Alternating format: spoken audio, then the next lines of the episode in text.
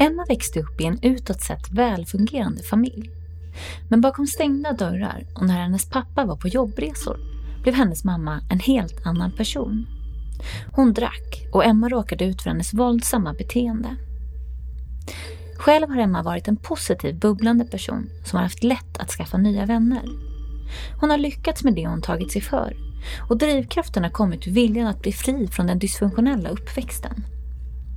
Efter erkännandet av sin mammas sjukdom beslutade sig Emma för att ta avstånd från henne.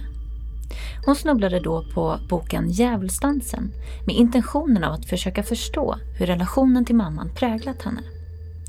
Men hon kom att känna igen något mer, nämligen den dåvarande relationen till sin missbrukade pojkvän.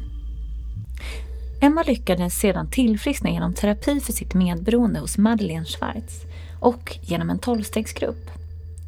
Idag är hennes främsta prioritering hennes eget mående och det fungerar.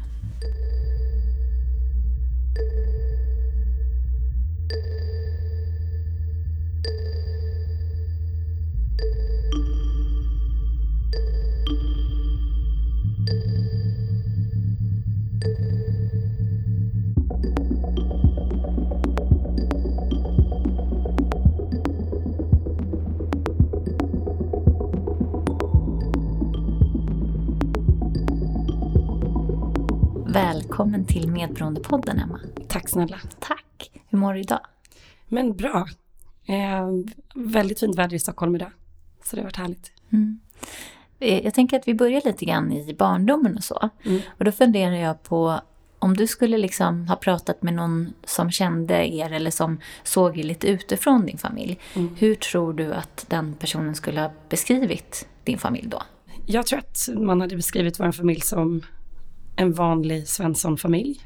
Ja, så här, övre medelklass, harmonisk, växte upp på landsbygden ute i skogen. Egenbyggt hus. Eh, med föräldrar som akt, alltså var aktiverade. Pappa sportade, även mamma sprang. De älskade att socialisera med sina vänner. Men jag tror väldigt vanlig. Helt enkelt. Har du syskon? Ja, jag har en äldre syster och en yngre bror. Så du var mellanbarn? Eller? Exakt. Om du istället tittar från insidan då, hur mm. såg det egentligen ut? Men det var väldigt dysfunktionellt. Ehm, jag växte ju då upp med en mamma som är alkoholist och tablettmissbrukare. Och jag har alltid haft en längtan ifrån familjen. Det är några av mina tidigaste minnen. Är ändå att jag ofta längtade bort ville därifrån så att säga. Så att för mig var det väldigt men, mörkt i uppväxten.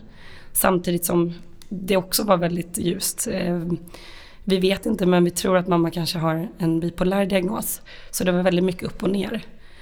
Ehm, så jag skulle nog ändå säga att jag, tar med, jag har med mig liksom det mörka på ett så starkt sätt. Även om jag också kom ihåg att jag kände mig väldigt tacksam så över att jag hade det jag hade och att familjen var som den var. Ja, det är, lite, det är delade känslor när man tänker. Mm. På vilket sätt tog din mammas missbruk sig uttryck? Hon var väldigt oberäknelig eh, i humöret. Eh, min uppfattning var också att pappa jobbade väldigt sent så att jag längtade ofta till att han skulle komma hem för då kunde jag slappna av. För mamma kunde vara väldigt arg och på dåligt humör. Och så länge som mina föräldrar var gifta så, så såg jag aldrig missbruket. Um, men hon, det var också så att hon kunde slå oss barn. Så att det var väldigt alltså så här, oroliga kvällar med väldigt, som kunde vara väldigt bråkiga. När pappa inte var hemma också, han var på affärsresor eller jobbade sent. Men jag kommer ihåg just att ja, jag andades ut när jag hörde att han kom in genom dörren. Liksom. Så att eh, jag, anp alltså, jag anpassade mig så mycket till mammas humör. Och jag kunde ju höra i stegen i trappan om hon var på gott humör eller inte så att säga. Eh, men jag har svårt att se just att hon var full eller inte för det märkte man inte då. Det var sen när de eh, skilde sig som det spårade ur med att hon ändå drack och gömde flaskor och vi hittade liksom bakom soffan hon låste in sig på toaletten och liksom hällde ner sig en flaska vin. Um, men det var långt senare ändå. Så att, ja. Men just hennes humör var så lynnigt. Men din pappa hade inga problem liksom? det har jag förstått. alltså han är också medberoende. För att min farfar var alkoholist. Det fick jag reda på först för två år sedan. Um, så min pappa var väldigt, han var frånvarande fast närvarande. På något vis. Eh, och ehm, han, vi vågade ju aldrig berätta för honom vad som hände när han inte var där. Och det också så här på slutet av deras äktenskap så bråkade de ju extremt mycket. Så hela liksom, det, det, är så blurrigt vad som är vad på något vis. Men de bråkade mycket. Vi blev inkallade i bråk. Alltid av mamma liksom så här. Barn, kan ni komma hit? Sa mamma så. Så blev man indragen och så visste man att man var tvungen att säga att stå på hennes sida för annars kunde man få stryk senare liksom. När pappa inte var där. Så att pappa var närvarande fast ändå inte liksom. Och han var inte så här, alltså grejen med mamma var, eller är också att hon alltid haft den varma sidan också, den kärleksfulla sidan. Och varit, kunnat säga jag älskar dig och kramats och väldigt, så jag har fått väldigt mycket kärlek. Pappa har kommit från den finska skolan, om man säger så. Det var lite mer, det var inte så liksom fysiskt. Eh, och det var inte så varmt på det sättet men han var ändå alltid liksom där också. Så att, men jag har ju förstått idag att han valde ju mamma såklart för att han var medberoende. Och var han kom ifrån. Så att vi hade en väldigt dysfunktionell uppväxt egentligen. Där vi inte var speglade i våra känslor från något håll. Jag och mina syskon. Men vilken roll skulle du säga att du tog i er familjekonstellation? Men jag tog nog... Man pratar ju ofta om clownen till exempel. Den, det var en roll som jag tog. Eh, lustigkurren eh, skämtade bort saker, försökte få folk på gott humör. Eh, jag har också alltid varit utåtagerande. Eh, och mina, för mina överlevnadsstrategier har varit att välja att vara glad och välja liksom att vara framåt och så vidare. Så att jag har, hela, jag har liksom med mig hemifrån att jag alltid har uppfattat som gapig. För gapig är ett ord som jag har med mig. Liksom. Så att, och jag, var, för jag har alltid älskat att prata. Och prata mycket, ofta. Ehm, och ta, så jag tog nog mycket plats liksom. För mina syskon, äldre, jag var ju mellanbarn, jag brukar alltid säga att jag var det svarta fåret. Ehm, som tog mycket plats. Och mina syskon var mycket lugnare än vad jag var. Och på något sätt har jag den känslan av att det premierades. Att det ofta återkom till att ja, men de är så lugna och fina och liksom du gapig. Mm. Men hur, er relation, ni, ni syskon, ja. pratade ni någonting om hur, vad som pågick? Inte, nej, inte egentligen. Inte under tiden. Eh, vilket är, jag menar, jag har, har ju gått i ett tolvstegsprogram nu. Eh, sen ett och ett halvt år tillbaka. Som har varit helt avgörande för mig och min resa liksom, som jag har tagit. Eh, där mina syskon inte har gjort det arbetet. Och de inte gått och jobbat med sig själva. Och jag, så vi har kunnat prata om det mer idag än vad vi kunde då ändå. Eh, så att, men det, det är just det där, jag har förstått det också när man växer upp i de här dysfunktionella. Jag gick hos en jättebra terapeut som är expert på medberoende. Och hon ritade upp liksom den här cirkeln som symboliserar en familj. Där i en frisk familj så finns det hål utåt liksom. Så att det strömmar in och ut. I den dysfunktionella familjen så är cirkeln liksom sluten. Där flödar allt bara internt på något vis. Utan att man pratar. Och det var så det var hos oss. Vi överlevde på varsitt håll tror jag. Alltså så här. Och vi alla har ju vår, eller jag förstår att mina syskon har ju sin sanning av vad som hände. Och jag har ju min sanning. Och jag kan ändå uppfatta det som när vi pratar idag att jag nog också var den som har tagit det hårdast. Alltså utan att värdera vad, vad, vad de känner. Så har jag ändå hela tiden varit den som har känt sig, men det här känns inte bra. Eh, mamma är inte så snäll. Eh, Medan mina syskon har varit mycket mer accepterande liksom, i den personligheten hon hade. Jag hade svårt för acceptansen. Men de har bara så här, ja, men är hon full när hon ringer då lägger jag bara på, eller då vill jag inte prata liksom och då pratar vi en annan dag. Så vi har haft ändå väldigt olika inställning till det tror jag. I skolan och utåt sådär, var du samma clown då, eller hur var det? Absolut. Tog, äls, var också, blev utsedd, jag gick i scouterna, den här församlingsgruppens eh, scout. Och där blev jag Miss Decibel, kommer jag ihåg, en gång. För att jag pratade så mycket och pratade väldigt högt. Så jag hade ett väldigt starkt behov av att liksom uttrycka mig och få uppmärksamhet. Kan jag säga idag liksom. Av, av att få synas helt enkelt. Så jag, ja, jag tog mycket plats i skolan. Hade du mycket vänner och sådär? Ja, det hade jag absolut. Eh, nu är jag uppvuxen i en väldigt liten by. Eh, så vi var 15 personer i min årskurs. Sex tjejer och liksom resten killar. Och så klassiskt liksom småbys eller småstadsvis så ja, men jag kunde umgås med alla men det var också olika konstellationer hela tiden. Vilka som var bästa tjejkompisar och så vidare. Det roterade ändå. Fast jag har alltid haft lätt för att hitta kompisar och jag har alltid älskat att träffa nya människor. Och nej, så jag hade haft, haft alltid, och jag, jag kan ju se på hur mycket jag också sökte mig från familjen. Älskade ju att vara hemma hos mina kompisar.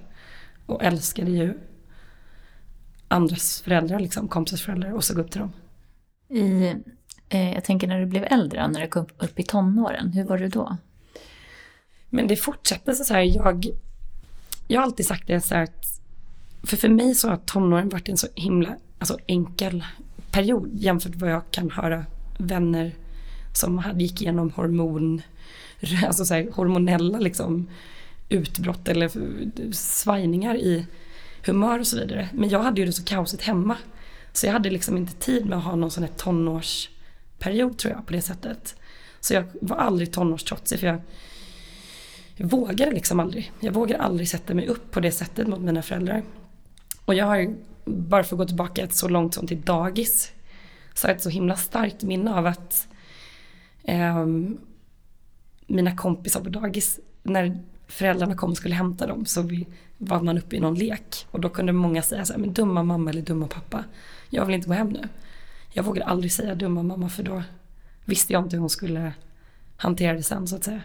Så här efteråt, eh, tror du att det var någon som kanske reagerade eller som anade att det var någonting? Eller var det, hade ni så pass stark fasad att det inte kom ut? Liksom? Men väldigt stark fasad.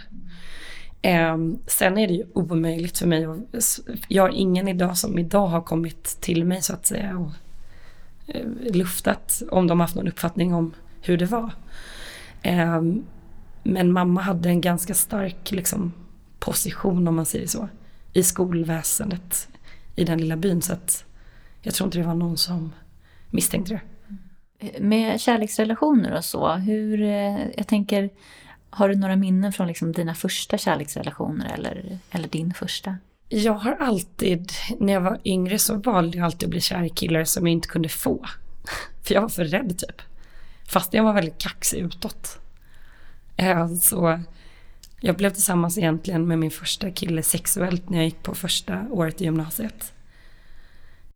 Och jag skulle nog alltid säga att jag har varit väldigt flyktig. Eh, inte litat på mina känslor. Eh, och men inte varit en bero, eller jag har inte varit en förhållande person. Jag har inte hoppat från förhållande till förhållande. Utan har varit största delen egentligen ens, alltså singel. Men ändå absolut sökt bekräftelse i killar. Så jag har liksom inte jättestarkt den här romantiseringen av första förälskelsen och sådär. Det har jag inte. Men kan du se att du tog någon liknande roll, eller kan du se nu idag överhuvudtaget att du har tagit någon liknande roll i kärleksrelationer som du gjorde i din familj som barn? Jag vet inte, för det, jag, längtade ju mycket bort liksom, ifrån familjen. Um, och var ofta i situationer som jag inte ville. Och det uppfattar jag ändå inte som att när jag väl, ja men säg min första kille som jag hade en lång relation med, då var jag 19. Vi hade en jättefin relation. Men där tröttnade jag. Eller jag kände bara så här, nej men jag är inte kär längre. Vi var ändå tillsammans i fyra år. Och det var en helt stabil kille. Inget, inga missbruk eller inga drogberoenden eller problem på det viset alls. Så, men så att jag har ändå haft med mig att jag har varit rädd för vad jag, att jag kanske tröttnar en dag. Att jag vill framåt med saker och även i relationer på något vis. Eh, så jag, jag kan inte helt se att jag har följt något mönster. Som är så tydligt i alla fall. Efter skolan och sådär, vad gjorde du då? Började du jobba eller pluggade eller? Men jag började jobba. Jag gick klart eh, gymnasiet och ja, började jobba några år egentligen. Och eh, ja, jag bytte olika, gjorde lite olika saker. Jobbade i butik på olika vis. Um, och sen så flyttade jag utomlands ett halvår. Fast då hade jag börjat plugga faktiskt på eh, eh, högskolan däremellan. Men jag blev ändå kvar i, min, i mina hemtrakter och pluggade där. Eh, och var tillsammans med eh, min första liksom, långa relation.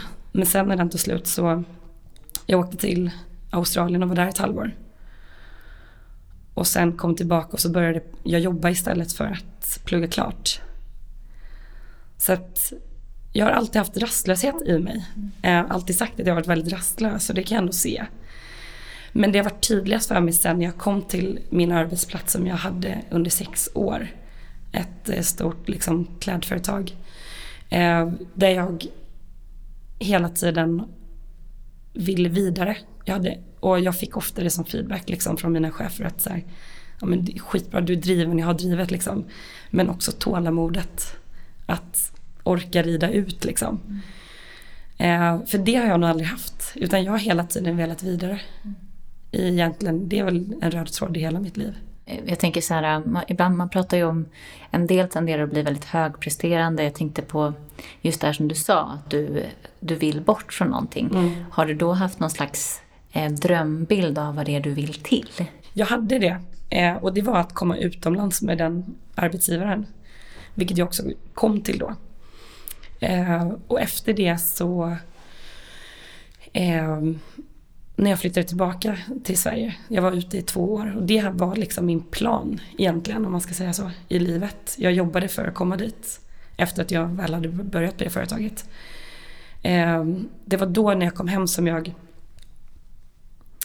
ja men jag var ändå runt 30-årsåldern och hade inte gått och jobbat någonting med min relation med min mamma eller sådär. Även om jag hade brutit med henne större delen av liksom min, min vuxna, vad säger man, tidiga vuxna tid.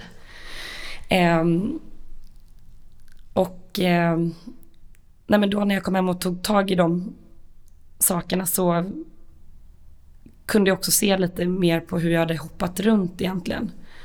Och jag hade inte något nytt mål som jag ville jobba mot. Utan jag kände mig ganska så här, jag ska inte säga vilsen för att jag, jag har alltid haft med mig känslan av att det kommer lösa sig för mig. Och det jag vill göra kommer ske.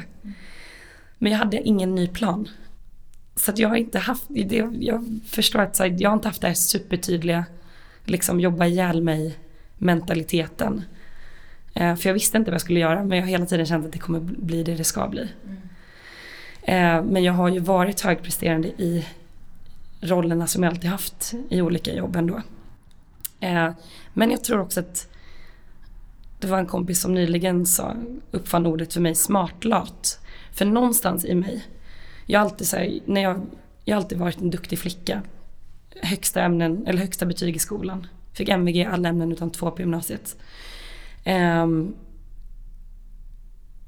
och ja, men jag har ändå alltid haft någon lathet i mig. Och det sa också min terapeut, när du säger lat, hon kanske, en kille skulle sagt smart. Så jag har alltid haft någonting i mig som har gjort att så här, jag har inte jobbat ihjäl mig. Utan jag har velat däremot tjäna mycket, jobba lite. Och komma dit jag vill men utan att jobba ihjäl mig.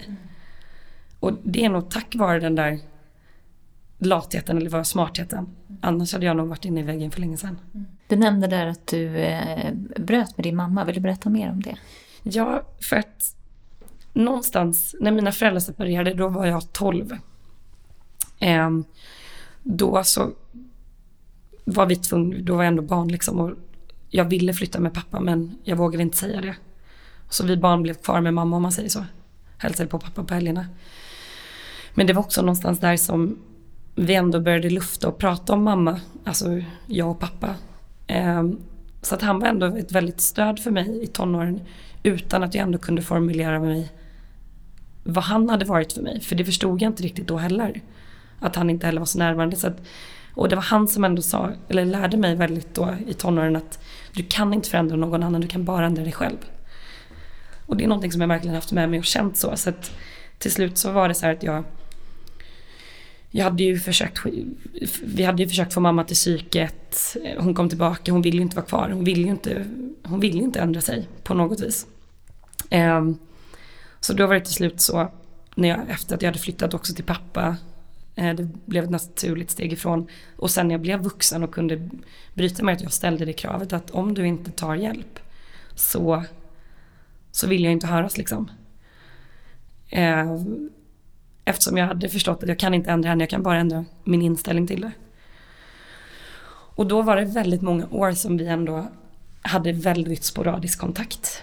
Ehm, jag skulle säga att det var under tio års tid. Men däremot så har ju mina syskon alltid haft kontakt. Så hon har ju alltid haft koll på mig. Så att det, det har varit lite diffust liksom. Vi har ju inte pratat om att jag inte har kontakt med mamma. Emellanåt absolut, men då har mina syskon också ofta sagt att du är så hård och du är så orättvis, du kan väl vara schysst liksom. Och det är synd om henne. Alltid tyckt synd eh, om henne på något vis. Men jag hade ju det där ständigt dåliga samvetet då. Även om jag mådde bra av att inte ha kontakt med henne. Så var det ändå ja, dåligt samvete som överhängde. Men hon, eh, hon tog aldrig någon hjälp. Så att det är först efter jag kommit till programmet, mitt tolvstegsprogram som ja, där jag ändå kunnat närma mig henne idag på ett helt annat sätt. För du pratade om att du inte riktigt förstod när du var liten då, liksom att hon drack och sådär. Och sen triggades det lite mer efter skilsmässan. När skulle du säga att du, eller du och dina syskon, att ni förstod att hon hade ett missbruk? Vad var det som fick er att gå i de tankarna? Men det var nog efter mina föräldrar separerade. Och jag säger att jag är 12, men jag har hört ofta att man säger att det är en siffra, ja, men runt 12. Men jag var runt 12.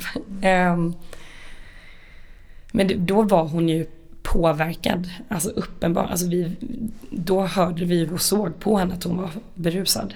Men alltid förnekelse. Eh, och vi hittade burkar men det, hon hade ju tusen olika förklaringar på det. Och manipulation. Men så det är absolut någonstans där i liksom tidigt tonår som vi absolut förstod att hon har problem. Men tänkte ni någon gång då att ni skulle vända er utåt och prata med det här med någon utanför familjen? Inte utanför familjen. Eh, men mamma är ensam barn och min morfar och mormor bodde väldigt nära oss, 300 meter ifrån. Eh, så att de var ju väldigt inblandade i allting. Så de var egentligen de enda som vi tog hjälp av. Som, men de var ju också så insyltade i det där. Men jag visste inte heller vart jag skulle vända mig. Vid den tiden. Mm. Eh, vi, det var någon gång som jag minns att vi körde in henne just till akuten, till sjukhuset. För att, jag minns inte helt detaljerna men hon var väl superpackad liksom. Men eh, hon kom ju tillbaka alltid. Och det var någon gång som det var inne någon psykolog som skulle prata med alla oss i familjen. Men då, var det, då satt vi i en ring hemma kommer jag ihåg, jag och mina syskon och mamma. Men då vågade vi heller inte vara helt ärliga och det rann också ut i sanden. Så att det var, jag minns ändå att jag alltid kände att jag inte vet var jag skulle vända mig. Också när jag, hade, när jag bodde utomlands. Eh, då hade jag också sporadisk kontakt de här två åren liksom, med min mamma. Men jag kom också hem för jag jobbade liksom, jag bodde i Asien och jobbade i Europa. Då kommer jag ihåg ett tillfälle. Eh, när vi var och ja, men jobbade i Paris och så ringde jag hem för då, eller mamma ringde till mig då. Och var helt eh, borta då. För då hade hon börjat med tabletter liksom. Hon tog ofta sömntabletter och var ändå vaken. Eh, och ringde mycket telefonsamtal. Men då kom jag ihåg att jag, men shit nu tar hon livet av sig. Fick jag den känslan. För att hon pratade på så konstigt vis och det lät som att hon ville ta avsked. För att vi inte hade pratat på så pass länge och så vidare. Så då ringde jag i panik liksom mina syskon. Och jag kommer ihåg att de var så pass avtrubbade ändå att, äh, men ingen fara, ja jag visst, ja, någon får väl åka dit liksom. Och hela tiden den här panikkänslan. Eh, och sen så, ja men sen så var det ju ingenting. Hon hade bara tagit, eller så, här, så ja men som ett vanligt, eh, ja, vanlig fylla då på tabletter. I, I samband med den resan så, skulle jag, så hade jag ändå bestämt att jag skulle träffa henne. Vilket vi då hade inte sett på väldigt lång tid. Och det, har... hon har alltid sagt att det har varit något visst med mig. Det har hon alltid haft som ursäkt också när hon var arg, särskilt arg på mig. Liksom, att vi är så lika. Och jag känner igen min envishet i dig och så vidare. Så hon har alltid skylt på det lite när hon har varit extra liksom, hård mot mig. Så varje gång vi skulle, hon skulle träffa mig så var hon alltid så himla nervös på något vis. Vilket jag förstår, det blir väl ett stigma liksom. Så när jag väl då kom hem, då var hon ju ja, men totalt borta liksom den gången. Och då var jag mormor med också. Och då minns jag verkligen att jag kollade i telefonkatalogen och jag var så här, jag vet inte vad jag ska, jag vet inte vad det vänder mig. Vart ringer jag liksom? Är det psyket? Jag började ringa något samtal och så fick jag något nej och då var jag så här, nej. så jag, jag hittade verkligen aldrig då något ställe jag kunde vända mig till. Det här med den våldsamma delen då som, som eh, pågick hemma med din mamma. Eh, hur tog det sig uttryck? På vilket sätt var hon våldsam? Alltså hon slog ju mig, min uppfattning är att det var jag som kanske åkte på mest stryk. Alltså när jag säger stryk så låter det som att på något sätt gör, säger jag det lättare. Men hon slog mig och också mina syskon. Och det kommer jag ihåg att jag var väldigt, jag var så rädd för henne. Um, och jag kommer ihåg när min pappa en, en, gång reste handen mot mig, då instinktivt duckade jag. Liksom som man gör för att man är rädd att någon ska slå till en.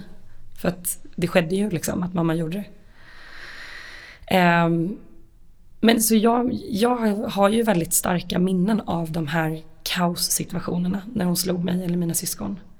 Och jag kommer ihåg dagen innan jag fyllde tio att hon hade slagit mig och sen så står jag och håller tårtan på korten jag ser idag från min tioårsdag liksom, så står man och håller tårtan och så ler. Mm. Um, så jag, jag har ändå alltid haft någonting i mig att jag inte tycker att det här är rätt. Och jag har alltid haft ett förakt till henne liksom. Um, och jag har varit väldigt rädd för henne hela tiden egentligen. Och det tog stopp när jag, det var väl också runt att de gick isär vid 12-årsåldern. Eller om det var två år senare när jag var 14. Att jag var så här, om du slår mig en enda gång till, då slår jag ihjäl dig. Mm. Och sen den dagen så slog hon aldrig.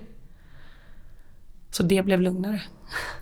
Men din pappa, alltså, det här är ju någonting såklart att ni pratar inte med någon utanför familjen så. Mm. Eh, din pappa, liksom, hur förhöll mm. han sig till det här? Ni måste ha pratat med honom på något sätt där, tänker jag. Först nu alltså. Eh, och han visste ingenting. Eh, men jag har haft så oerhört svårt att prata med pappa om det här. För jag kände att jag har tagit det ansvaret mot honom. Så det är egentligen, ja men, innan jag kom in i programmet också som vi ändå pratade om att hon faktiskt slog oss. Men då var jag också så här, då hade jag inte koll på mina egna, då tog jag verkligen ansvar för att han inte skulle tycka att det var jobbigt. Um, och det har, ja, men han, han, han märkte ingenting. För du pratar ju lite grann om, om liksom din tillfrisknande resa och sådär. När skulle du säga att du kom underfund med att du var medberoende? Vad var det som ledde dit? Men det var för att jag blev tillsammans med en kille som var beroende i vuxen ålder. det tog slut för två år sedan, så för, ja, men vi träffades för fem år sedan. Mm. Eh, och då hade jag ju lovat mig själv såklart att aldrig bli tillsammans med någon som har ett beroende. Med tanke på var jag kom ifrån. Eh, och då hade jag noll koll på begreppet medberoende. Men i den här relationen då så blomstrade mitt medberoende egentligen den sjukdomen ut. Eh, för jag försökte kontrollera honom. Eh, På vilket sätt då? Jag ville få honom att sluta röka gräs. Vad gjorde du, om du tänker tillbaka, vad var det du gjorde för att försöka eh, kontrollera? Allt möjligt.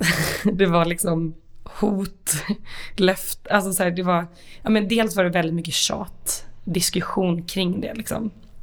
Eh, försökte förklara ändå var jag kom ifrån och hur jag mådde av det.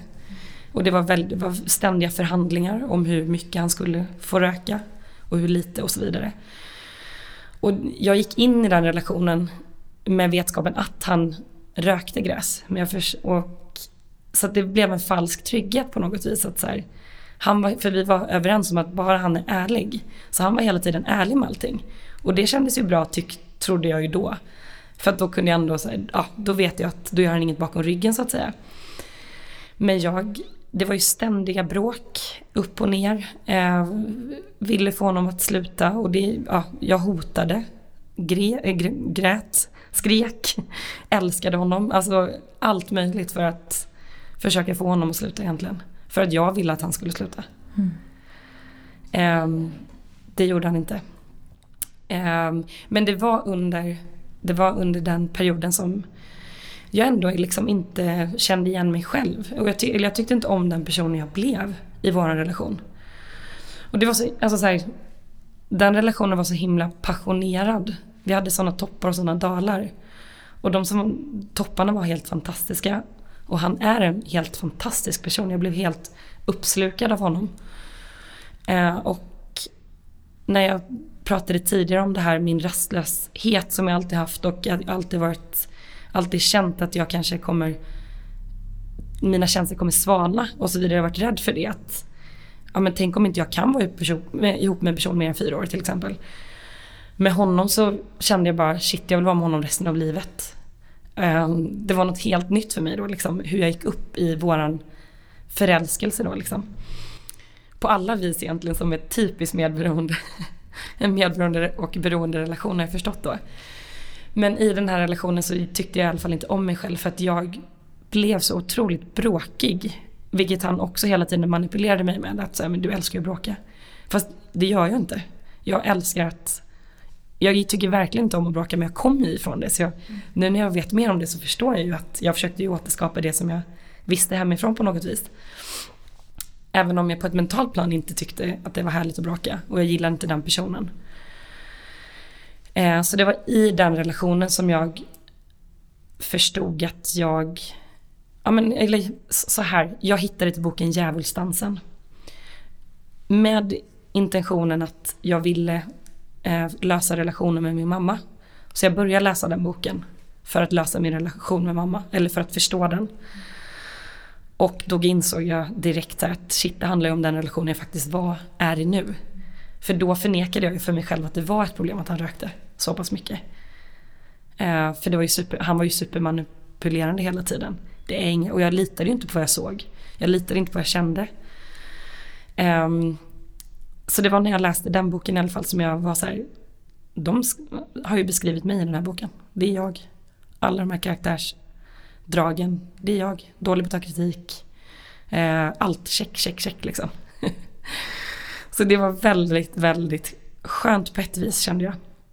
Och för mig faktiskt att kunna säga, men jag är medberoende. Jag vet att en del kan ju tycka att det är svårt att få den stämpeln om man säger så. För mig var det tvärtom liksom. Att det var befriande att få, få ett ord på det. Eh, vad var det du såg hos dig själv som var just så medberoende om man säger? Alltså den där, när poletten ramlade ner, det är så tydligt för mig. För det var återigen Djävulsdansen-boken som ändå var ögonöppnaren för mig. För jag hade ju då eh, varit väldigt tydlig med honom att var jag kom ifrån. Och jag gick också in i den där relationen och sa att jag är en väldigt stark person. Jag har koll på mig själv. Jag kommer ifrån det här. Jag, var väl, jag kunde jättelätt i diskussioner med kompisar. Jag kunde sitta och berätta om min bakgrund och folk var alltid såhär, åh, shit vad du är stark och vad du har insikter och yes, yes tyckte jag själv liksom. Um, så när han då fortsatte att liksom droga, fastän jag ändå så här, sa, försökte sätta gränser och försökte så här, men jag mår faktiskt inte bra av det här och så vidare. Så blev jag ju ett offer. Jag tyckte synd om mig själv. Och satt ju och ältade med mina tjejkompisar. Hur kan han? Hur kan han göra det här mot mig? Han vet ju var jag kommer ifrån och så vidare. Och så stod det i boken. Sluta fråga dig själv hur han kan göra så mot dig. Utan fråga dig istället hur kan du tillåta dig att han gör så mot dig. Och det blev den här liksom poletten. För då insåg jag att jag själv har makten. Att jag inte bara är liksom offer av omständigheter eller så det var egentligen, ja då. Mm. Vad gjorde du då? också med boken som stöd så beskrev de på ett väldigt tydligt sätt att det faktiskt sätter ett ultimatum. Att om du inte slutar att droga så kommer jag lämna dig. För fram till dess, då hade vi varit samma cirka ett och ett halvt år. Då hade det hela tiden varit han på hans villkor. Då hade han sagt så här att jag röker gräs, du får acceptera det annars så, så kan inte vi vara ihop. Då, får du, då tar det slut. Och det var första gången som jag liksom vände det där och bara, om inte du slutar att röka så, så kommer jag lämna dig. Och han försökte då eh, sluta. Eh, och vi var tillsammans ytterligare ett och ett halvt år efter det så att det började liksom en annan typ av resa kan man väl ändå säga som var mer medveten från min sida men fortfarande att jag var sjuk i mitt medberoende. För det tog ändå till att liksom jag kraschade efter att vi hade gått isär då. Som att jag hittade till ja men, mitt tolvstegsprogram och den ja men, terapeuten som jag har gått till. Jag tänker, eh, för steget, det här var ju liksom relationen. Men när du, du pratade precis om lite grann vad du gjorde för att ta hjälp. Mm. Vill du berätta om vad du gjorde? Liksom? Vad, hur har din resa mot tillfrisknande sett ut? Men det var egentligen först när alltså jag lämnade honom. Eh, det var fram och tillbaka där liksom när jag hade satt det här ultimatumet att han skulle sluta. Eh, och sen det kunde inte han hålla. Och det var då den här själva liksom, när jag insåg att han hade rökt bakom min rygg i ett halvår. Då insåg jag att men här finns en gräns i mig. För nu har det, kom, har det kommit in oärlighet i bilden. Innan så har det alltid varit ärligt liksom. Nu har det inte varit det och det var väldigt... Det var på något sätt oförlåtligt för mig. Sen försökte vi ett litet tag till. Eh, som aldrig blev bra liksom. Eh, men det var efter då som jag kraschade och jag mådde skit, rent ut sagt. När vi gick isär, för jag gjorde det enbart på viljestyrka. Jag älskade honom så djupt och men var så kär liksom. Så jag lämnade verkligen relationen som jag var, tyckte jag då att jag mådde bra i. Eh, sov väldigt dåligt, eh, men började, hade kommit i kontakt med mindfulness. Så jag började lyssna på eh, olika typer av avslappningsövningar på natten när jag inte kunde sova. Jag lyssnade på Medberoendepodden. Um, ehm, och sakta men säkert så gjorde också mindfulness-biten väldigt mycket för mig. För jag började ändå må lite, lite, lite bättre. Och sen var också ett väldigt stort steg i att jag kom till min terapeut.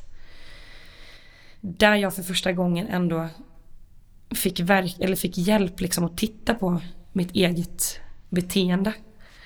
Och vi pratar ofta om i liksom, mitt program att man, man är som en lök. Och så skalar man den här löken av lager av sig själv. Och det var då som jag ändå började skala den där löken som jag insåg mina olika ja, men brister och så vidare. Och mina olika beteendemönster som jag har hållit på med. För jag har helt ärligt tyckt att jag har mått, varit en person som varit lycklig Eh, jag har varit en person som har mått bra. Alltså på riktigt liksom, har jag känt mig det liksom, under hel, alla mina år.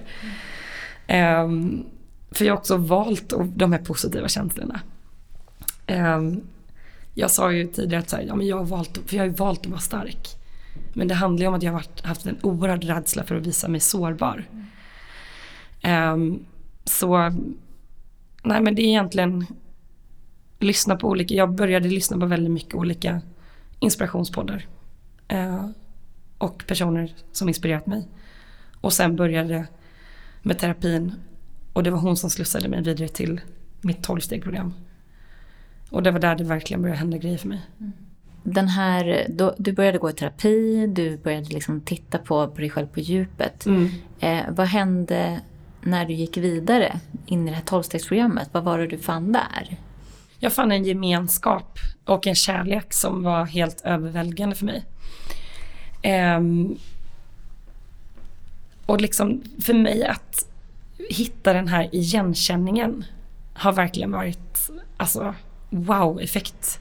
Att få komma till ja, men, rummen där vi är liksom ett möte där alla personer sitter i ring klassiskt det man ser på film om ett AA-möte. Det är precis så.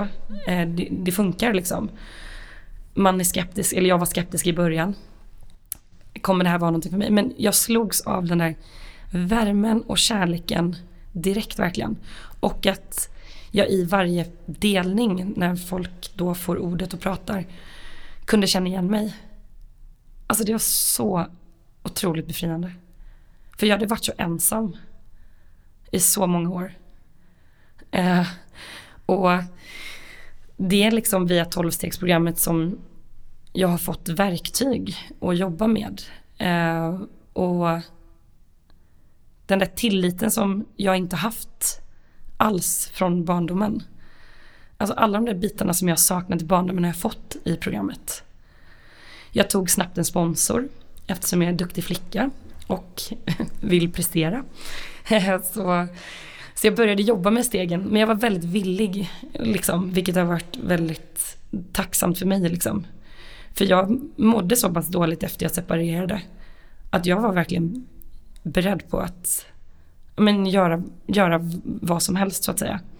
Jag ville helst ha ett, en tablett för att jag skulle må bra. Ge mig en quick fix. Då hade jag tagit det. Um, min sponsor, med hennes kärlek och hennes, liksom, så växte hela, så har liksom jag kunnat växa i programmet så pass mycket. För jag kom in i programmet så pass med klassiskt det här att haft alltid väldigt gott självförtroende. Och jag har på riktigt trott att jag har haft god självkänsla. För jag har läst så mycket böcker om eh, självkänsla. Självkänsla nu och hur, vad är vad. Och jag har, inte, jag har aldrig haft det där självhatet. Utan jag har tvärtom kanske nog peppat mig själv väldigt mycket. Du kan och jag har varit orädd. Vågat testa saker i livet. Så att jag kände aldrig igen mig i det där slå på sig själv. Utan det var snarare så här, jag hade insett att det är faktiskt bara jag själv som älskar mig själv mest. så. Eh, men insåg ju då ett halvår in i programmet att jag hade noll självkänsla. Eller min sponsor sa det till mig att du har faktiskt ingen självkänsla. Och när det, för att jag, det var så subtila saker att hon förklarade som att eller när jag skickade ett sms till en person och så fick jag inget svar, då kunde jag alltid tänka extra så här, vad skrev jag egentligen, var det någonting? Alltså, jag, hela, jag hade liksom ingen grundtrygghet på något vis med det jag var. Och den självkänslan har ju nu ett och ett halvt år senare alltså vuxit fram på ett helt makalöst sätt och det går liksom inte att säga exakt här och här utan det är hela processen. Mm. För man går ju igenom de här olika stegen som allting har ett syfte hela tiden. Som man inte förstår i stunden.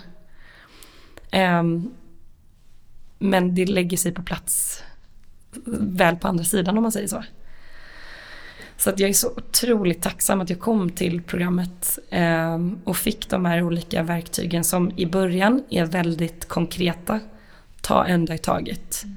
Försök, alltså så här, för då mår man oftast så pass dåligt när man kommer. Eh, till att sen kunna mer självreflektera. Och hitta medvetenheten. Att så här, bli medveten om sina, sitt agerande. Och det är då, när man, då har jag också chansen att ändra mitt agerande. När jag blir medveten om hur jag beter mig och så vidare, vad jag reagerar på. Och det har programmet verkligen gjort, eller hjälpt mig med. Men eh, om du skulle beskriva, liksom, vad har du rent praktiskt gjort för att eh, förbättra din självkänsla? Men som en del då i eh, programmet så skriver vi listor eh, varje kväll. Fem bra saker som har hänt under dagen, fem tack och fem hjälp. Det har varit liksom grunden för mig egentligen, för det började jag med direkt. Och där då kunna börja lyfta upp tacksamheten och inse vad jag har.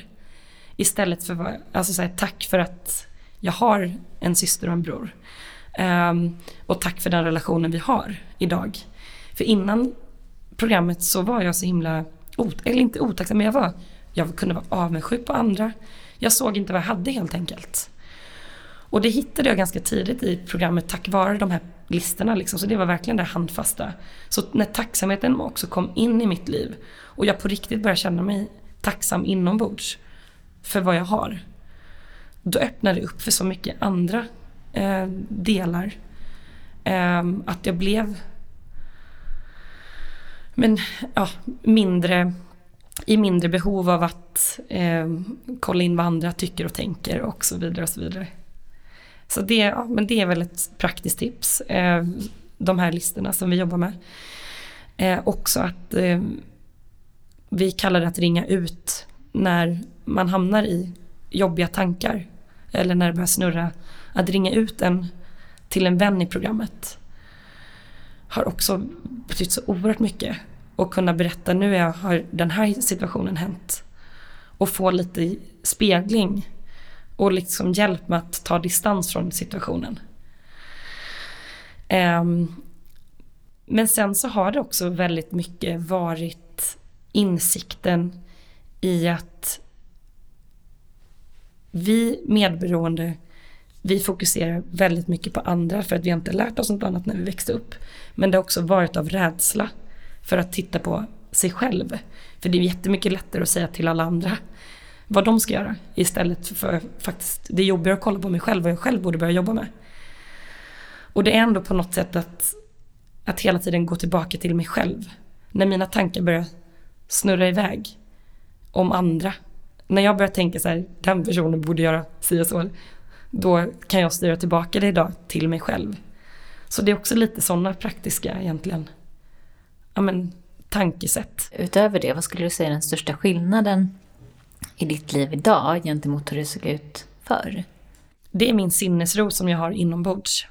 För eftersom jag har varit en väldigt rastlös person, jag har verkligen varit det i, till min natur. Eh, har älskat när det händer saker, älskat att titta på saker, jag har kickat på att ha kul.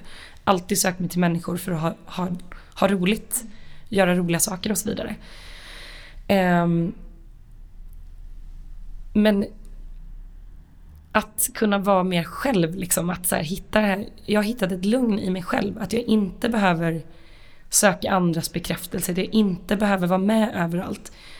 Att jag inte är rädd för att missa äh, saker. Det var jag innan. För jag insåg också i mitt tillfrisknande, och dels hos äh, Madeleine, att jag har ett enormt stort ego. Äh, jättestort ego. Eh, och komma till bukt och till insikt med det har också varit väldigt stort betydande i mitt tillfrisknande. Kan du beskriva hur det här egot har tagit sig uttryck?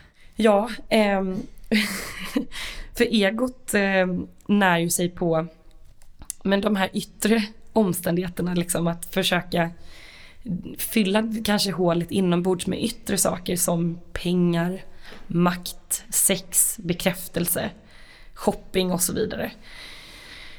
Um, ja, men avundsjuk, att se på andra liksom hela tiden. Och jag, jag var nog väldigt, jag var väldigt mycket så.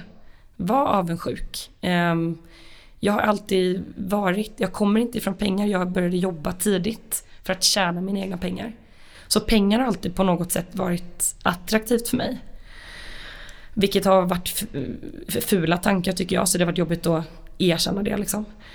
Um, men egot, jag har också ofta i kompisrelationer satt mig själv utanför på något vis. Eller mitt ego har gjort det. För jag har gett tusen procent eftersom jag är ja, men, i min uppväxt väldigt gränslös. Jag har inte lärt mig att sätta gränser. Varken åt mig själv eller andra.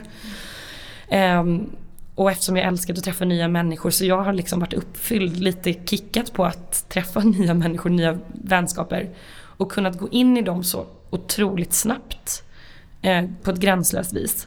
Och gett hela mig till den personen. Och då förväntat mig att få det tillbaka. Eh, vilket jag inte alltid alls har fått alltid. Och när då kanske den andra personen satte en, en gräns. Då kände jag mig väldigt förrådd. Och, och, e, alltså jag, och det förstår jag ju idag. Det är egot som hela tiden har hållit på liksom och härjat. Och särskilt då i, jag hade väldigt många olika kompisgrupper. Och jag ville vara bästa kompis med alla. Men så kanske några tjejer bjöd, inte bjöd mig på en middag. Då, då kände jag mig väldigt utanför. Och satte mig hela tiden i de där typen av situationer med egot. Jaha, vad menar hon med det smset och så vidare och så vidare. Och allt det där idag har jag liksom en distans till. Um, och går inte alls igång. För att jag har ju förstått också Alltså medberoendet handlar ju enormt mycket för mig liksom att det är ju tanke, en tankesjukdom. Vi är sjuka i hur vi tänker. Och jag har varit väldigt sjuk i hur jag tänker. Och jag har trott att alla tänker som jag. Och jag förutsätter att jag vet hur andra tänker. Mm. Så livet har ju varit, nu med facit på hand, där jag är idag. Det har tillfrisknat. Idag mår jag bra på riktigt. Mm. Och nu kan jag ju se tillbaka på när den, liksom mitt liv innan det jag trodde att jag var lycklig och mådde bra. Hur dåligt jag ändå mådde liksom. För att det, hölls, det var så mycket tankar i mitt huvud hela tiden. Mm. Vad var vad? I vänskapsrelationer. I allt hela tiden. Så ja, det blev en lång utläggning. Men, ja, men sinnesron i alla fall i just vad programmet har gett mig. Och insikter om mina, liksom, ja, men det stora egot och så vidare. För att när du väl belyser de där grejerna och blir medveten om det så har du chans att agera annorlunda. Och då kan ju de bitarna sakta liksom ta mindre plats. Om man tittar då tillbaka på dina relationer så, du pratade lite om din mamma där. Hur, hur har ditt tillfrisknande präglat dina nära relationer i övrigt? Ja men det är ett jättetydligt exempel. För när jag kom in i programmet så, så var det ju så att vi inte hade någon kontakt. Um, och jag har varit väldigt arg på mamma uh, under tiden, alltså under min uppväxt. Och hon stod mig upp i halsen som jag brukar säga. Jag kunde bli skitirriterad av vad hon än sa. Det spelade liksom ingen roll vad hon sa. Det var hela tiden, det kom ut ilska och irritation från min sida. Det kom jag till bukt med genom en annan terapiform, liksom där jag ändå så kunde förlåta mamma. Och fick bort den där ilskan. Så när jag kom in i programmet så hade jag ändå liksom förlåtit henne och det hade jag verkligen på riktigt. Jag hade inte det kvar på det viset. Men jag hade inte heller henne nära. Um, för jag ville fortfarande ha den där distansen till henne. Och det var först nu för ett halvår sedan efter att jag varit i programmet i ett år som jag på riktigt, på riktigt har accepterat och förstått att alkoholism är en sjukdom. För att fram till dess så har jag, alltså med min, en dåres vansinne ändå så här, nej men det är, man kan ju påverka det om man vill och så vidare och så vidare. Men programmet har verkligen hjälpt mig med det också så här att fått acceptansen att det är en sjukdom. Och när jag verkligen kände det i våras, då började jag också känna kärlek till mamma igen. Och har kunnat träffa henne på syskonkonstellationer, eh, alltså familjemiddagar. Utan att ha den här liksom harmen och irritationen mot henne. Jag har kunnat liksom ta en distans till det. Så att dels har jag kunnat träffa henne under året eh, på vis som jag inte har kunnat tidigare. Och just nu där jag befinner mig idag så känner jag väldigt mycket kärlek till henne. Och jag vet, vi har inte jättemycket kontakt, vi skriver, det är på Facebook och eh, sms. Vi ringer inte än så länge. Och jag vet inte vad jag kommer vilja liksom. Men jag mår ändå bra i relationen som, som vi har idag.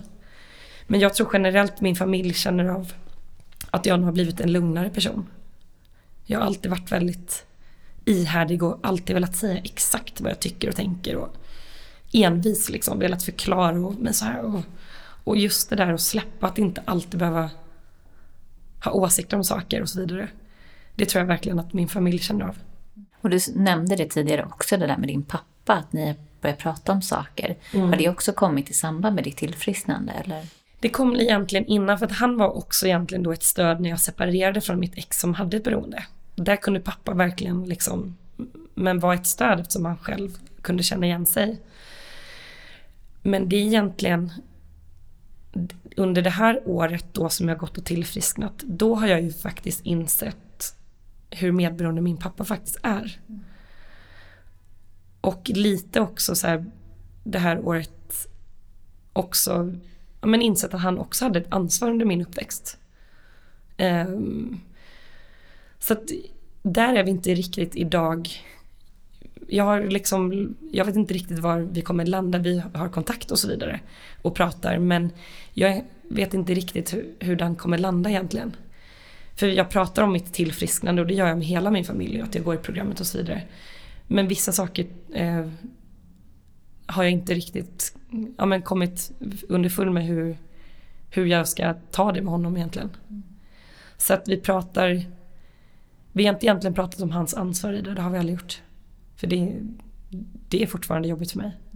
Och han har aldrig tagit upp liksom, eller bett om ursäkt? Eller? Nej. Det har han inte. Nej. Och han Utan han är, har ju mer lagt det på mamma egentligen. Alltså så. Är din mamma aktiv fortfarande idag? Ja, det är hon. Hur ser du på, på det? Liksom, känner du att, för du pratade om det här med sjukdomen och så. Eh, om hon, om det skulle eskalera, att det fortsätter på det här sättet. Känner du fortfarande att du orkar eller har möjlighet att ha kontakt med henne? Eller, så. Ja, men jag vill också förtydliga det att så här, alltså jag har väldigt lite kontakt med henne på en daglig basis egentligen. Alltså så, och det mår jag väldigt bra av. Um, så att uh, jag kan hantera hennes perioder nu eftersom vi har så pass lite kontakt ändå. Och jag vet inte om jag ska vara ärlig om jag skulle intensifiera vår kontakt, om den skulle öka, hur jag skulle hantera det då. Ehm, men jag, jag känner sån värme eh, när jag tänker på att hon är sjuk. Att för att, att jag förstår ju liksom att hon gör inte det här för, oss, för att hon vill. Eller för att hon är för svag och så vidare. Utan det är ju en sjukdom. Helt enkelt. Men därmed inte sagt att jag skulle kanske aktivt välja att ha mer kontakt just nu ändå. Men innan alltså så här, men jag kan ändå, jag vill ändå på något sätt utveckla den. Och det har jag inte känt liksom på många år. Hur ser du på framtiden nu då? I och med att du har gjort den här utvecklingen eh, fram tills idag eller till eh, det här senaste året som det har hänt jättemycket. Hur, hur ser du ut? Kommer du kunna ha med dig det här in i framtiden? Absolut. Och som jag ser på medberoendet så är ju det också en... För mig så ser jag det som en sjukdom. Och ser på mig själv som att jag är men kroniskt sjuk i det. Och att jag måste ta hand om det. Varje dag för resten av mitt liv. Så för mig är det verkligen... Jag går på, jag går på ett möte minst i veckan. För jag har möjlighet liksom i Stockholm. Eh, för jag vågar helt enkelt inte sluta. För jag mår så bra av att hålla de rutinerna. Så att jag, för mig så ser jag detta som en livslång resa. Eh, och jag inser ju också, jag menar även om jag, blev klar med mina tolv steg i somras så blir man aldrig klar i medberoendet. Eh, för det kommer hela tiden nya aspekter i livet. Eh, och när man har blivit klar med sina tolv steg så börjar man själv att sponsra andra som det kallas. Och det är ett nytt kapitel vilket blir en ny resa för mig. Eh, så att, nej, jag, helt enkelt att det är en pågående resa egentligen. Som jag ser det. Men jag är så otroligt, otroligt, otroligt tacksam för att jag hittade till programmet. Och känner den liksom sinnesron, har de verktygen. Att bara kunna komma på de här mötena. Man kan ringa in, det finns telefonmöten två dagar i veckan så vart man än bor i landet kan man delta. Och man, liksom, man deltar med personer som är precis som jag själv. I tankar och så vidare. Det är helt fantastiskt. Um, så att, ja, jag är så tacksam för det. Men alltså, om någon skulle känna igen sig nu i någonting av det du berättat eller i medberoende generellt, hur skulle du rekommendera den personen att gå vidare med det här? Men jag skulle... Det är lätt för oss som bor nära Stockholm egentligen. För här finns det möten varje dag. Det finns en sida som heter coanon.se där man kan gå in och kolla vilka möten som finns och vart de finns. Och där finns det också information till de två telefonmötena som är per vecka. Så min rekommendation är nog ändå att ja, men kanske börja ringa in till ett av de mötena.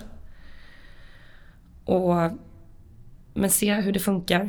Eh, be att bli inbjuden, det finns en sluten Facebookgrupp. Där för mig det har varit väldigt betydande att få vara del av. För där läggs det upp texter och så vidare som man kan... Men hela den här igenkänningen har betytt så mycket för mig. Så den vill jag verkligen tipsa om att så här, hitta de där forumen. Mm. Där man får texter och så vidare. Där man, um, och, och, på de här mötena så får man information om litteratur. Mm. Uh, och börja läsa.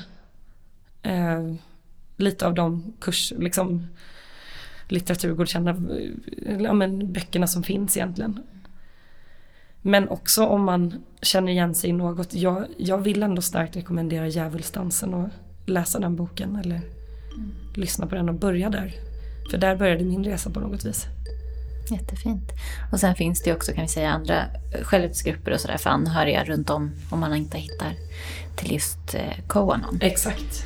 Men eh, Verkligen, verkligen stort tack Emma för din berättelse och en väldigt inspirerande resa. Så jag hoppas att andra kommer känna inspiration att tillfriskna. Tack för att jag fick vara med. Tack. Tack. Känner du igen dig i Emmas historia eller bara vill veta mer om medberoende? Då kan du gå in på vår hemsida www.medberoendepodden.se och under fliken Hit kan du vända dig finner du tips på hur du kan ta hjälp. Jobbar du för kommun, landsting, socialstyrelse, anhörigverksamheter, psykiatri, beroendevård eller liknande?